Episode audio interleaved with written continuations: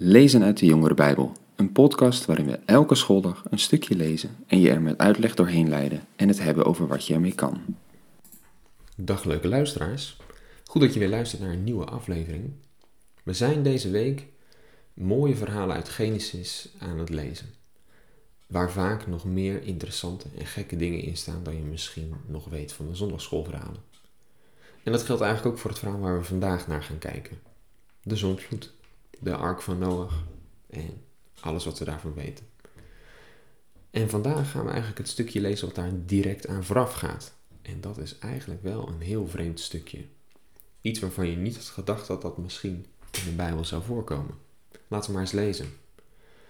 En dat begint gewoon aan het begin van hoofdstuk 6 van Genesis. Daar lezen we: Zo kwamen er steeds meer mensen op aarde en zij kregen dochters. De godenzonen zagen hoe mooi de dochters van de mens waren, en ze kozen uit hen vrouwen die ze maar wilden. Toen zei de Heer: Mijn levensgeest mag niet voor altijd in de mens blijven. Hij is immers niets dan vlees. Hij mag niet langer dan 120 jaar leven. In die tijd, en ook daarna nog, zolang de godenzonen gemeenschap hadden met de dochters van de mensen en kinderen bij hen kregen, leefden de giganten op aarde. Dat zijn de befaamde helden uit het verre verleden.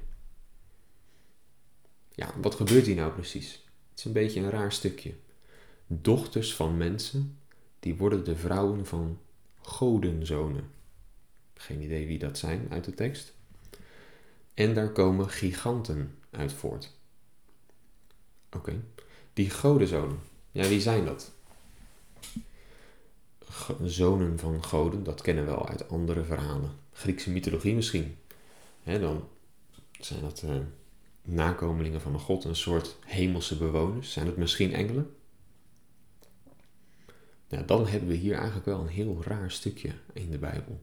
Want dan lezen we dus hoe engelen kinderen krijgen met mensen en dat daar een soort van giganten, reuzen uit voortkomen dat is bijna een soort science fiction film, maar dan in de Bijbel zelf. Nou ja, ook hierbij staat weer zo'n stukje uitleg in de Jongere Bijbel. En daar hebben ze neergezet. In de tijd dat het boek Genesis opgeschreven werd, vertelde men elkaar verhalen over goden en hun lotgevallen. Daarin werd ook gesproken over een vermenging van goden en mensen, waaruit giganten voortkwamen. Die vermenging wordt door God veroordeeld Onmiddellijk hierna volgt het verhaal over de zondvloed. Soms worden deze giganten in, verband gebracht met de Enakieten en de Refaïten. Die waren reusachtig groot en praktisch onoverwinnelijk. Ja, het is eigenlijk een heel kort stukje, het is heel cryptisch. En je zou zo'n uitleg over mensen en engelen die reuzen voortbrengen er misschien uit kunnen halen. En latere schrijvers hebben dit ook gedaan en hebben boeken geschreven met heel veel fantasie over bizar grote mensen en hoe ze alles op aarde opaten. En je vindt dit soort verhalen over reuzen uit de oertijd, die vind je ook nog in heel veel andere culturen, ook in de Griekse mythologie. Daar heb je een mythe over de titanen die vroeger bestonden voordat er mensen op aarde waren.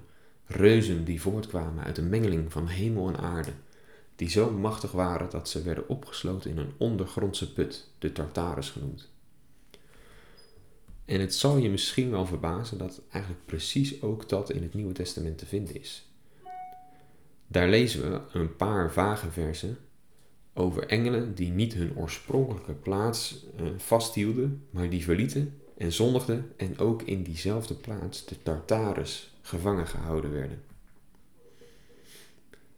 En er zijn dus ook nog verhalen bekend van reuzen na de, die na de zondvloed nog bestaan hebben. je hebt het, het verhaal dat het volk uit Egypte weggaat en naar Israël toe gaat. En dan zenden ze verspieders om te kijken naar het land.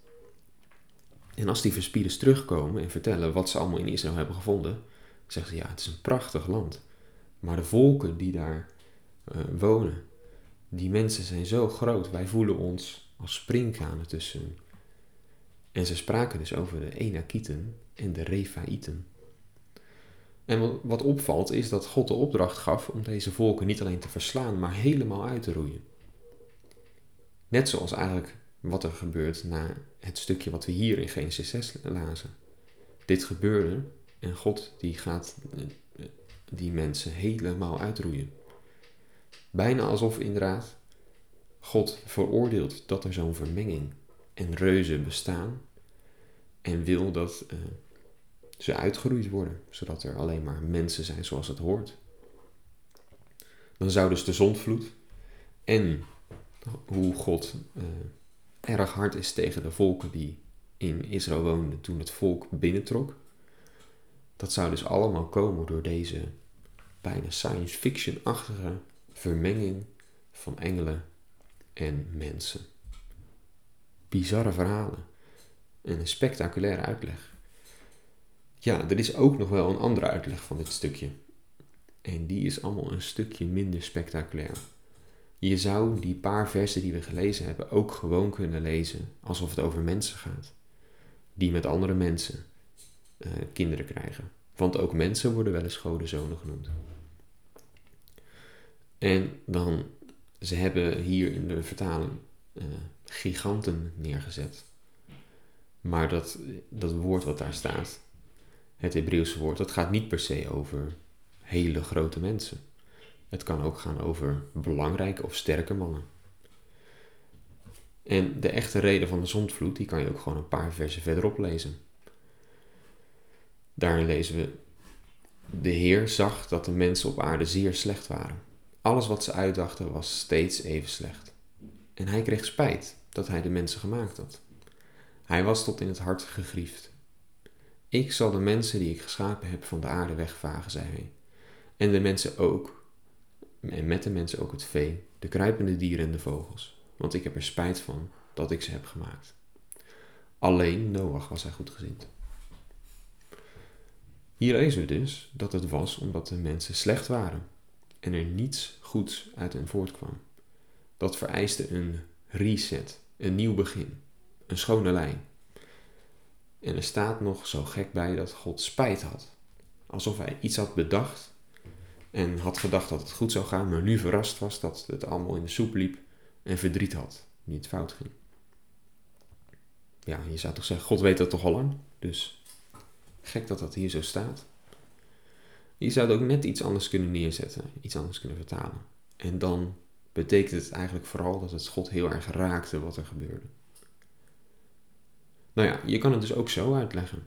Zonder engelen en vreemde reuzenrassen. Maar ja, dat is natuurlijk allemaal een stuk minder spannend. En dat is een minder goed verhaal.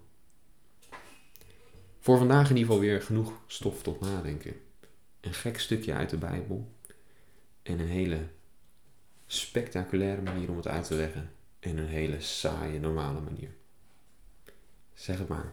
Morgen gaan we verder lezen en dan gaan we, komen we echt uit bij de zondvloed zelf. Tot morgen.